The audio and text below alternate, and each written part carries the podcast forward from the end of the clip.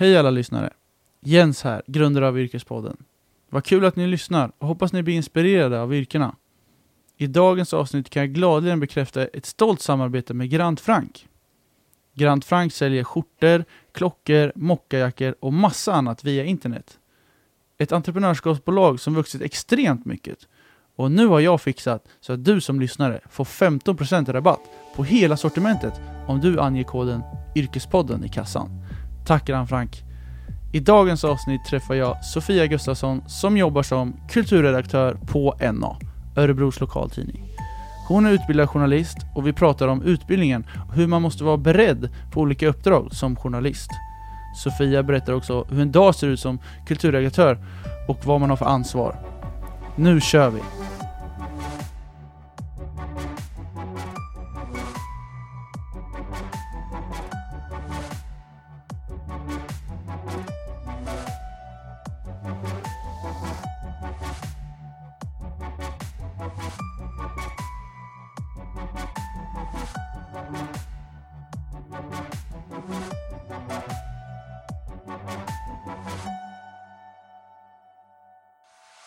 Sådär, varmt välkommen till Yrkespodden alla lyssnare. I dagens avsnitt så har jag med en kulturredaktör som heter Sofia Gustafsson. Välkommen! Tack, tack. Hur känns det att vara med på Yrkespodden? Eh, spännande. Första gången jag är med i en podd. Jaha, så du gör poddebuten alltså? Mm, mm. mm. Kul. Men du, vi kan först bara, eh, ska du få berätta, vem är Sofia Gustafsson? Eh, jag är en 33-årig tjej från Kumla eh, som eh, har spelat fotboll hela min uppväxt och eh, tycker om att läsa och gå på teater och eh, eh, ja, vad tycker jag mer om? Jag tycker om ganska mycket saker, men eh, tycker, jag är glad över att det är sol ute just nu. Ja, det är riktigt skönt när det är på väg att bli sommar. Alltså. Jag Mm. har varit ute så mycket jag kan nu. Men eh, du bodde i Kumla sa du? Ja, precis. Är du uppvuxen här i Örebro också? Eh, ja, Kumla, det är två Mm. mil utanför Örebro här, så att, ehm, där har jag växt upp. Har du gått gymnasiet där också? Nej, jag gick i Hallsberg, Alléskolan. Eh, på den tiden, det var innan eh, man fick välja gymnasiet, så då eh, fick jag och mina klasskamrater allihopa åka till Hallsberg. Vad gick du där då? Eh, där gick jag samhällsprogram bara. Okej. Och sen så, du är ju utbildad journalist idag, Mm. som vi ska gå in på lite mer djupare på. Och vilken eh, högskola eller universitet har du gått på då? Eh, Mittuniversitetet i Sundsvall. Ah, Okej. Så Och när började du plugga till journalist då? Jag började plugga 2009. Så jag tog några, några sabbatsår. Jag var 25 när jag började plugga. Okej. Vad har du gjort innan däremellan då? Vad jobbar du med då? då? Då var jag, först var jag i Oslo ganska många år och jobbade som truckförare. Och sen så var jag i London ett tag eh, och jobbade i butik. Jaha. Och så reste lite emellan sådär. Häftigt. Och sen så tänkte du, nu ska jag besluta mig att åka till Sundsvall. Ja, Varför blev det just Sundsvall då? nej men sen så vart det sådär att alla, både jag och mina närmsta vänner som, som bodde i Oslo, vi kände att nu, nej, nu måste vi ta tag i, i livet och börja plugga. Eh, och då fick man ju bestämma sig vad man skulle bli där. Den där frågan som man hade haft liksom hela sitt liv med sig, men aldrig riktigt kunnat besvara. Eh, så vi bestämde oss att nu ska vi söka lite utbildningar. Eh, jag tyckte väldigt mycket om att skriva och hade väl tänkt att journalist var ett sätt att få, få göra det man tycker om. Eh, så det var med på min lista. Och sen att det varit just Sundsvall och Mittuniversitetet. Jag, jag tror bara jag googlade lite på olika skolor som hade journalistutbildningen och eh, tyckte att den passade mig bäst. Jag hade egentligen inget eh, förhållande till Sundsvall som stad eller kände inga personer där. Eh, men till exempel journalistutbildningen i Stockholm på Södertörn, den som, som fanns då, det finns nog fler, eh, men den jag tittade på, den hade till exempel ett eh, miljöinriktning, tror jag det var, och den andra, det fanns två inriktningar, den andra tror jag var ekonomi. Och där kände inte jag att det passade mig, jag ville ha liksom den här breda, eh, breda fokuset som fanns i Sundsvall. Men eh, finns det mycket journalistikutbildningar här i Sverige? Eh, ja, jag, jag vet inte, det är svårt att veta vad man ska jämföra med, men nej, det kanske inte är så jättemånga. Det finns, de stora är väl i Stockholm, Göteborg, den i Sundsvall är ganska stor också, och sen så tror jag det finns någon i Kalmar som är mer inriktad på radio, i alla fall gjorde det där då. Jag vet inte riktigt hur det ser ut idag. Sen finns det väl lite sådär folkhögskolor och så, som också har eh, journalistinriktning. Och en del, jag tror kanske det finns en del så här, eh, kurser och, och så, som man kan gå också, som, som man kan liksom alla som är journalister är ju inte utbildade. Det är ju, All right. Men du åkte alltså till Sundsvall, hur var det då? Du känner inte till staden alls, och hur var det? ja, nej, men det var ju väldigt nytt, eh, åka helt själv till en helt ny stad som man aldrig har varit i tidigare. Ehm, men så är det ju för ganska många som pluggar. Eh, speciellt om man inte pluggar i just Stockholm eller Göteborg. Liksom. Så att, eh, jag var ganska nervös innan, men först, redan första gången jag träffade min klass så, så märkte man att det var samma för nästan alla. Ingen kände någon och alla hade kommit från andra ställen i Sverige. Och, och alla ville liksom hitta folk att hänga med. Så att det, det blev ju genast den grejen, att man hängde med de andra i klassen. Och i klasserna över och under och sådär. Så att, Men hur var studentlivet i Sundsvall då? Eh, ja, det, det, var, det var kanske ganska smalt så. Vi var mycket i vår klass och med, med journalistklassen över oss. Och så fanns det också en fotoutbildning, fotojournalistik. Eh, så de hängde vi också med eftersom vi hade mycket samarbete med dem. Men, men vi hängde kanske inte så mycket med, med resten av skolan, utan det var i alla fall i den klicken som jag var i, så var det ganska begränsat till klassen och så. Och det var ju kul, då lärde man känna dem lite bättre istället för att lära känna väldigt många. Ja, ja för, för exempel nu när vi går eh, ekonomi som jag går då, då är vi typ 150 pers i en klass. Det är så här, man blir grupper, det blir inte Ja. liksom en klass. Nej, jag förstår. Men det Nej. blev så för er. Vi var typ 30. Och sen så fanns det då eh, två klasser över oss, eh, de två åren innan, som också var ungefär 30. Och sen var det de här bildjournalisterna, som var 30 i sina klasser också. Så att det fanns ganska tydligt vilka man skulle hänga med. Och sen var det också, vi fick faddrar från klasserna över oss, så att man, man fick liksom en grupp direkt, som man kunde lära känna lite bättre. Ja. Men eh, i Sundsvall då, en journalistutbildning, hur ser den ut? Är det treårigt, fyraårigt? Hur- Treårigt, en kandidatexamen. Beskriv lite år ett, år två, år tre i utbildningen. Ja, just det. Nu ska jag se hur mycket jag kommer ihåg. jo, men första året så, eh, just i Sundsvall så är journalistutbildningen väldigt inriktad på hantverket, det man faktiskt gör när man, när man jobbar som journalist. Så det är mycket sådär att lära sig att skriva en journalistisk text, eh, att göra en intervju, det är mycket så direkt. Eh, sen andra året kom det väl in lite mera, det är ju en hel del också eh, lagar och regler. Vi har ju eh, tryckfrihetslagar och publiceringslagar och sånt där. Hur som man- funkar de där? Eh, upphovsrätt och sådär. Jo, men det finns, ju, det finns ju böcker som man får läsa och titta på och sådär. Eh, sen när man väl jobbar som journalist ute på, på tidningen så har man ju, då är, har man ju liksom chefer som, som har koll på det där och kan det och, och så att då behöver man inte riktigt ha stenkollen längre. Men, eh, men under utbildningen var det viktigt att lära sig lite. Vad får man egentligen, det finns ju sådär, vad får man egentligen skriva? Eh, vad får man egentligen som anställd, om jag intervjuar någon, vad får den säga? Får den avslöja sina hemligheter, sina förhållanden? Hur gör man om man vill eh, få ut uppgifter från en myndighet? Eh, det är mycket sådana ganska tråkiga, det låter ju väldigt så här gråa. Men tacklas Saker. du med det idag liksom på jobbet Eh, också? som kulturredaktör är det inte jättemycket sånt, men som journalist så jobbar man ju jättemycket med det. Just att så här, begära ut handlingar från till exempel eh, tingsrätten. Det kan ju vara en, en vardagssyssla för vissa journalister. Och det får man lära sig mycket i, i år två då eller? Ja, som jag minns det så, var, så, var, så kom mera, den sortens praktiska saker kom mera in i, i årskurs två. Där vi hade hela tiden i ettan, tvåan och trean, ja, nu heter det inte ettan, tvåan och trean när man går på universitetet, Ja, men det vi hade var sådana här praktiska övningar som var väldigt, väldigt bra, där man verkligen lekte tidning, alltså hela klassen eh, ihop då med bildjournalisterna, vi, vi delades upp i, i tre grupper, och så skulle vi göra varsin tidning i en hel vecka och så. Eh, de, var jätte, de tyckte jag var jättebra, jag tror de var uppskattade av alla eleverna, för då, då fick man verkligen känna vad det var. Vi gjorde ju riktiga artiklar och gjorde vi någonting som var riktigt bra, då sålde vi in det till lokaltidningarna där. Eh, Häftigt. Mm, så det, då fick man verkligen lära sig vad det handlade om. Sen i trean, då var det, då var det C-uppsats. Mm. Mm. Och sen hade vi också en, en termins praktik i trean. Jaha, vad gjorde du där då? Då var jag på Metro i Stockholm. Mm, ja, berätta mer. Vad fick du göra där då?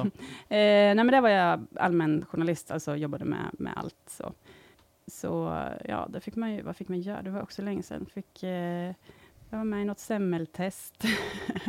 Men då, var du, då körde du som journalist? ja, då var jag journalist, Ja, precis. Så du fick massa uppdrag kanske Mm, då? Eller? Ja. mm, precis. Och då var det någon sämre, vad sa du då? Semmeltest, sånt Ja. som sätter sig. Eh, ja, nej, men precis, det, är- allt, det är ofta så, högt och lågt. Eh, inför semmeldagen så får oftast, på många tidningar, så försöker man arrangera ett semmeltest. det brukar vara sånt som läses. Eh, jag kommer ihåg också att man fick, det var samtidigt som eh, Håkan Juholt vart partiledare för Mm. Socialdemokraterna, så jag kommer ihåg att jag gick runt också med en bild på stan och frågade folk om de kände igen den här mannen, om de visste om det var, vilket ingen gjorde då. Okej.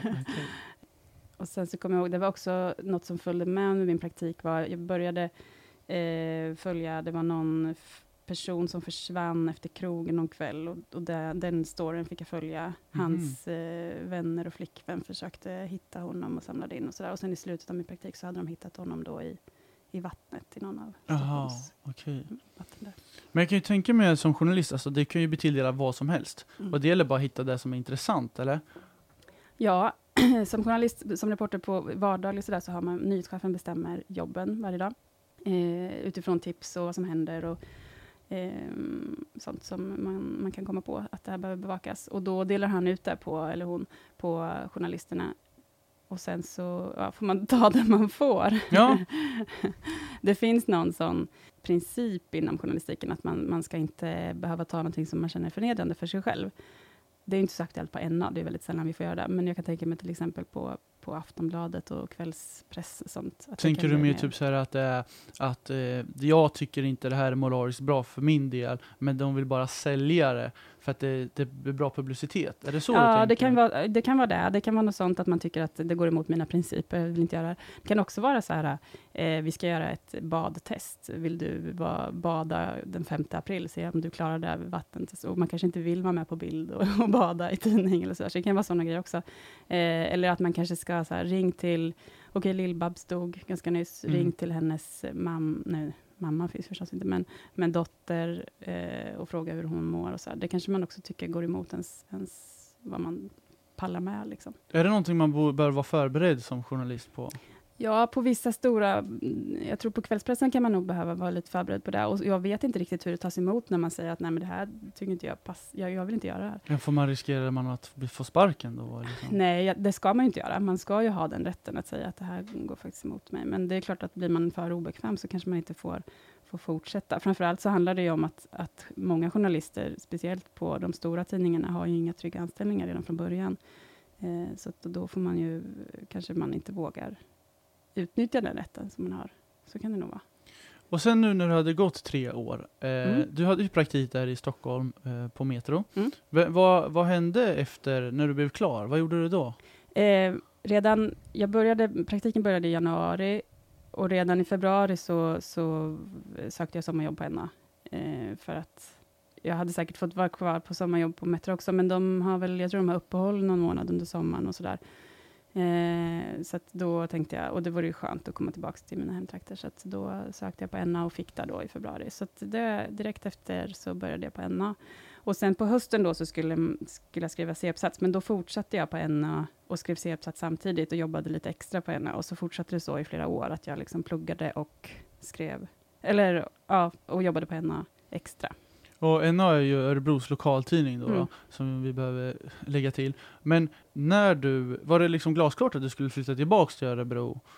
Nej, från början var det nog inte det. Från början så tror jag att jag ville vara i Stockholm egentligen. Eh, men sen när jag var på Metro så tyckte jag nog kanske att det inte riktigt passade mig så mycket. Just den här delen att det var lite, man var lite ute efter klick, eh, klickjournalistiken. Vad är det Eh, för något? Att man vill sälja, man vill hellre ha en nyhet som säljer, som folk är, lite som är lite sensation, än att man vill göra ett riktigt journalistiskt arbete. Eh, och då tyckte jag att, då kändes det som att NA kanske faktiskt passar mig bättre. Eh, att man kanske har lite, lite mera en grundtanke om vad man vill ha för, vad man vill göra för journalistik. Precis som DN. Hade jag kommit in och fått jobb på DN, då hade det säkert varit samma sak. Men det är ju mycket svårare att, att komma in. Eh, och jag har alltid tyckt om mina hemtrakter, så det var inget som jag hade någonting emot att komma tillbaka hit. Så du flyttade tillbaka hit och sen så började du också då som journalist på NA. Men kände du igen då när du hade varit på praktik i Metro att det, så här, det här är väldigt mycket olikt eller hittar du likheter också? Ja, det är jättemycket likheter i liksom vardagsjobbet, men jag tyckte ändå att det fanns en annan stämning och en annan eh, integritet på NA. Eh, så, så jag tyckte om liksom arbetsplatsen bättre här. Och vart håller ni hus nu då? Eh, nu är vi i SCB-huset, brukar man ju kalla det. fram på stan. Och det där. ligger ju ja, mitt, nästan på Järntorget. Där Ja, På- exakt. Mm, mm. Vi har ju haft jättelänge, NAs eh, liksom, tradition där det startades, det är ju i NA-borgen, som nu är Clarion Hotel. Just det. Mm. Så där var jag, fick flytta för några år sedan. Det var lite sorgligt. Men nu har ni nya fräscha kontor. Mm. Ja. Men, eh, och hur länge jobbade du som journalist då på NA innan du avancerade upp? Eh, jag, jag jobbade på NA, då började jag alltså jobba där 2011 på sommaren, Hur gammal var du då? då? eh, 27. Och sen har jag jobbat där ända sedan dess, fast eh, varit fast egentligen först för ett och ett halvt år sedan ungefär. Så det, det var många år som vikarie. Och så är det nästan för alla journalister. Det tar lång tid innan man får, får jobb. Jag förstår. Och nu idag så jobbar du som kulturredaktör Mm. på NA. Mm. Vad gör man då? Eh, som redaktör så då ansvarar du för innehållet på dina sidor. Eh, mina sidor är då alltså kultur och nöjessidorna. Och då bestämmer jag vad som ska vara där och eh, jag bestämmer hur de ska se ut. Ja, och sen gör jag det också. Förut så hade man, alltså en av, det, jag vet inte om ni har hört talas om tidningsdöden. Nej? Beskriv mer. Jo, eh, det går ganska dåligt för alla tidningar i hela världen, egentligen, eller västvärlden i alla fall.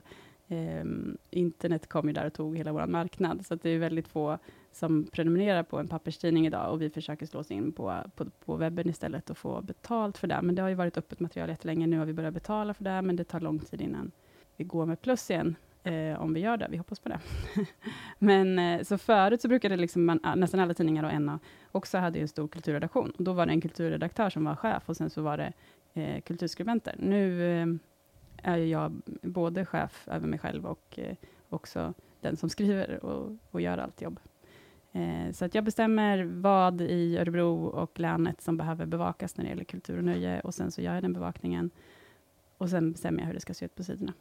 Men ansvarar du, har du massa journalister under dig nu som, du, som, som kommer med idéer och du bara ah, nej det här är inte bra och det här är bra. Är det så ligger till? Nej, eftersom alla de andra journalisterna på, på NA, de är allmänreportrar. Så att de har inte... Sen kan de komma med förslag. Så här, jag vet att det här händer som, som är eh, di, dina ämnen. Liksom. Så där kan du göra någonting på. Men det är jag som gör just eh, kultur och nöjesjournalistiken. Och sen, jag får, absolut, så får jag hjälp ibland när, när det är jättemycket som behöver göras. Så då kan någon av de andra hoppa in och hjälpa till. Men jag tänkte lite på det här nu när du pratar om det här med digitaliseringen, när det blir så att tidningen blir, eh, allting blir på internet och folk eh, vet du, läser inte papper längre. Hur, hur, hur tacklar ni sånt på NA? Ja, det, det, det är jättesvårt. Vi har ju haft, alltså det här började, för tidningarna började redan på 90-talet. Eh, unga, de, de yngre generationerna, de, de vill inte prenumerera på en papperstidning. Det finns, fanns inte alls den traditionen som, som fanns i de äldre generationerna. Så att eh, tidningsdöden har varit ett, någonting som vi har försökt hantera jättelänge. Och fin, for, finns fortfarande liksom inget svar på det. Eh, NA har ju varslat de senaste ja, 20 åren har man väl varslat med liksom jämna mellanrum. Redaktionen blir mindre och mindre, det finns mindre och mindre pengar att röra sig med och sådär. Eh, så det går väl väldigt mycket upp och ner. Ibland så är det ett år där det varslas och då är det ganska dyster stämning på redaktionen. Och sen just nu så är det ganska bra stämning. Nu var det två år sedan, tror jag, som, eller 2016, som, som folk gick senast. Eh, så nu är det ganska bra stämning igen. Man börjar liksom hitta de nya formerna. Men vi lever hela tiden under hotet att det kan komma ett varsel när som helst. Men när går det, eller vilket går bäst liksom? Är det fortfarande trycktidningen eller är det liksom internettidningen? Vad, vad är det som går bäst? Eh, internettidningen tjänar vi nästan ingenting på. Eh, det är liksom pappersprenumeranterna som, som är våran stora, och annonsörerna. Men det, och, alltså framförallt annonsörerna, det är de som vi tjänar mest pengar på. Men, eh, men de eh, tjänar vi också mycket, mycket mer pengar på när det gäller tidningen. Eh, tidningsannonser är mycket mer lukrativt för oss än, än webbannonser. Där har vi svårt att, att dra in så mycket pengar. Jag vet att för några år sedan så sa man att Aftonbladet var de enda som gick på vi, med vinst på webben. Jag vet inte hur det är nu, men vi går inte med vinst i alla fall. Men är det typ att de har så mycket reklam på eh, istället för ett antal visningar? Eller? Ja, dels har de ju mycket reklam, men sen, eh, de började låsa sitt material bakom eh, Aftonbladet Plus, hette det väl ganska tidigt, så att man fick betala för att, att, att läsa deras eh, journalistik, och fick ändå väldigt många att göra det. Eh, vi har också börjat, som sagt, låsa vårt material nu, för att försöka överleva. Men vi, ja, prognosen är ju ganska dålig, liksom. Men hur mycket kostar det att vara plusmedlem då? Eller vad kallar ni det? Ja, plus kund. Eh, 99 kronor i månaden. Första månaden är en krona. Sen kan man ju liksom utöka det där lite. Eh, det finns ju olika paket. Man kan ha e-tidning också. Och så kan man ha man kan ju vara papperstidning, e-tidning och pluskund. Det är mycket. ja, det finns lite olika beroende på hur intresserad man är.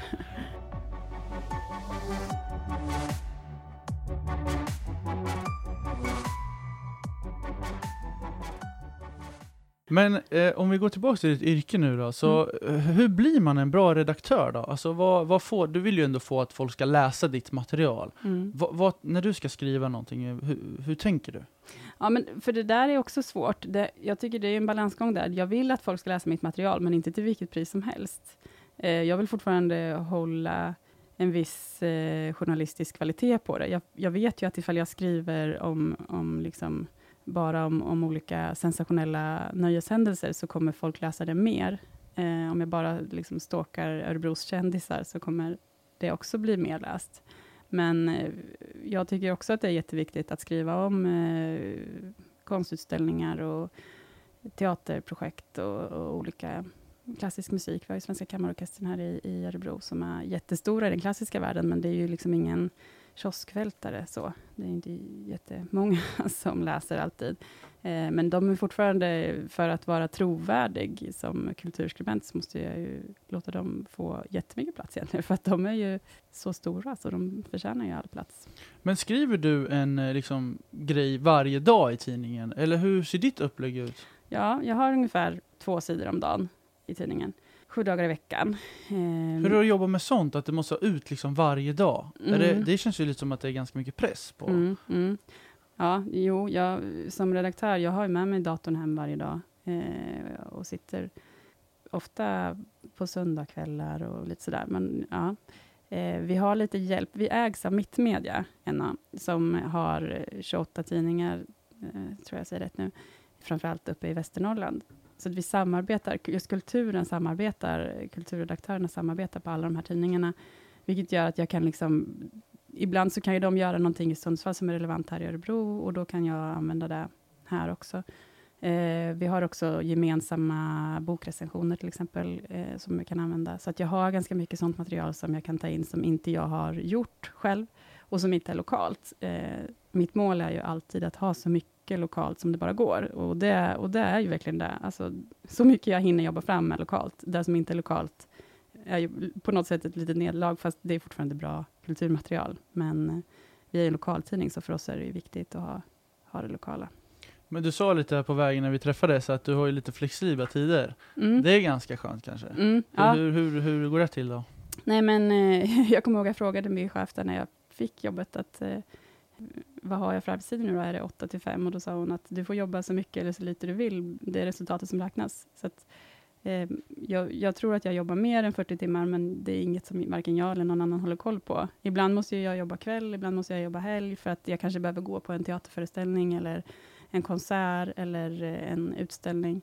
Och då kan ju det ske kväll eller helg. Och, då, och det är inte så att jag får någon liksom OB för det, utan då får jag ta det i tid. Jag känner ju bara lite mer att det är ju så att du jobbar ju med någonting du tycker är kul och det är någonting som, som inte du sen känner att, att det här är jobbigt, att det här gick, det tog eh, för lång tid och jag kommer inte hem ikväll utan det är ju lite så att du, går, du, du jobbar med någonting som du vill och det måste kännas väldigt kul på ett sätt. Ja, det, Tänk, tänker du ofta på det? Ja, jo men det är faktiskt det är jättelyxigt. Jag vet ju till exempel, jag försöker skriva en krönika varannan vecka. Mina krönikor handlar ofta om feminism, för det är mitt, liksom, där jag brinner för. Och då eh, försöker jag ibland eh, lyssna på poddar och läsa artiklar och sådär inför det, för att veta lite vad jag ska skriva om och ha lite åsikter och tankar. Följa med i debatten. Och det är ju en del av mitt jobb. Liksom.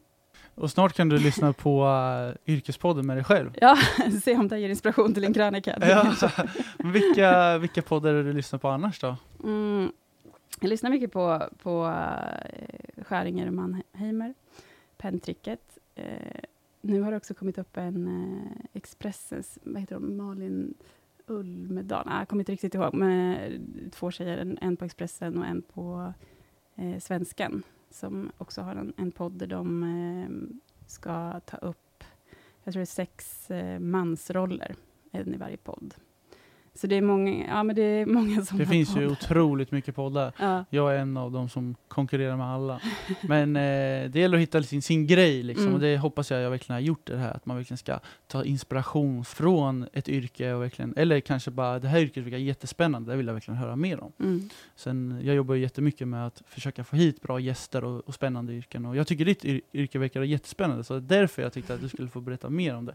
Men, jag tyckte du var inne på det här med att du brinner mycket för feminist. Eh, och beskriv lite mer om, har du, du har säkert skrivit någon eh, artikel om det här. Beskriv lite mer, varför? Om feminism. Mm. Eh, och, eh, brett.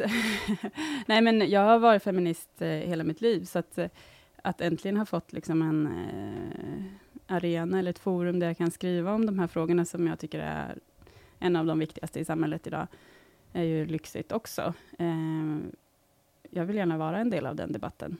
Och, det har ju, och den har varit extra aktuell det här året med metoo och allt som har hänt eh, runt det året efter, efteråt. Ja, men vad kan du känna att du har bidragit med då, med till exempel det här med metoo och så? Det, det är svårt att veta, tycker jag, när man är lokaljournalist. Eh, det mesta av den här debatten förs ju i liksom, Stockholm och kanske Göteborg. Och sen så sitter man här liksom, från sitt hörn i landet och försöker kommentera det. sen, sen vet jag ju till exempel att när jag skriver om, om eh, metoo, så har den, eh, de krönikorna har till exempel eh, många av mina kollegor i, i Västernorrland tagit upp. Så att då då får det lite mer spridning där. Eh, man får lite mejl då och då där det står att ja, men den här har inspirerat mig, eller den här eh, gjorde att jag fick lite argument för det här och sådär. Så att, ja, man kan ju hoppas att lokalt så skapar man en medvetenhet kring de här frågorna. Eh, och det tycker jag är jätteviktigt. Så att, Alltså det är ju superbra. Eh, Men hur mycket, eh, vad säger man, inte lyssnare utan eh, läsare, har ni på NA? Som du når ut till? ah, det är helt omöjligt att veta. Vi har ju prenumeranter och sen har vi de som är på webben och sen har vi liksom eh, de som läser någon artikel utan att det liksom är kopplat till NA. De kanske läser från Facebook och hittar en artikel för att det är deras ämne och sådär. Så att det är svårt att veta på det sättet. Men vi får väl lite, lite rapporter eh, på läsning på webben och då kan vi ju se liksom sidvisningar och hur länge de stannar kvar på en artikel och om de bläddrar hela vägen ner till slutet och sådär. Och då kanske det ligger någonstans mellan... Ja, för en, ja, men för en krönika kanske det ligger runt 800 på en då. Sen så blir det några, mer, några hundra till på andra tidningar i mitt media. Men för en vanlig artikel så ligger det nog snarare runt 500 kanske. Och sen en sån artikel som är jättebra, då kanske det kommer upp i 2000 eller något sånt. Och när du ska skriva någonting nu då, var, vart hittar du inspiration för allt? Eh, artiklar och så som man ska skriva, där, där går det ju jättemycket på vad som händer. Eh, man skriver ju om det som, som sker lokalt i kultur och nöjeslivet, så att vi får ju in jättemycket tips och Eh, man hänger med i olika evenemang och ser vad, liksom, vad Länsteatern har på gång, vad Konstmuseet eh, har framför sig och sådär. Eh, och sen, så, sen kan det ju hända att man, man fastnar för ett fenomen som man vill skriva om. Vi hade en, en artikelserie om just feminism i början av året, eh, där vi skrev om, om olika kvinnliga utövare i konst, eh, konst teater, DJs, ja, lite olika scener där, där kvinnorna började ta plats mer och mer. Häftigt. Men du, eh, vad har du för planer framåt nu då? Vad, är, vad, är liksom, vad vill du göra nu? Liksom? Vill du stega ännu mer? Vill du ha en egen tidning? Vad, vad, vad händer? Nej, jag, jag tänker nog klamra mig fast på en så länge jag kan. Eh, man hoppas ju på något sätt att det, ska hin- alltså att det ska komma någon form av räddning, någon vändning. Vi ska komma på något sätt att tjäna pengar på vår journalistik, så att vi har möjlighet att överleva. Eh, så det är, ja, mitt mål är att hänga fast där så länge det går.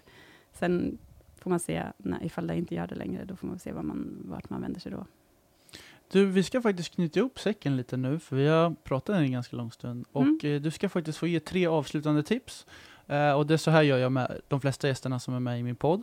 Och det du ska tänka att du ska ge tre tips till en som vill bli en journalist. Mm. Eh, så vad är tips nummer ett man ska tänka på om du vill bli journalist? Man ska nog tänka på att det är en så pass osäker arbetsmarknad. Eh, om man vill bli journalist och verkligen vill det, då, då får man nog tänka ut lite olika planer. Hur ska jag kunna leva på det här även om tidningarna dör?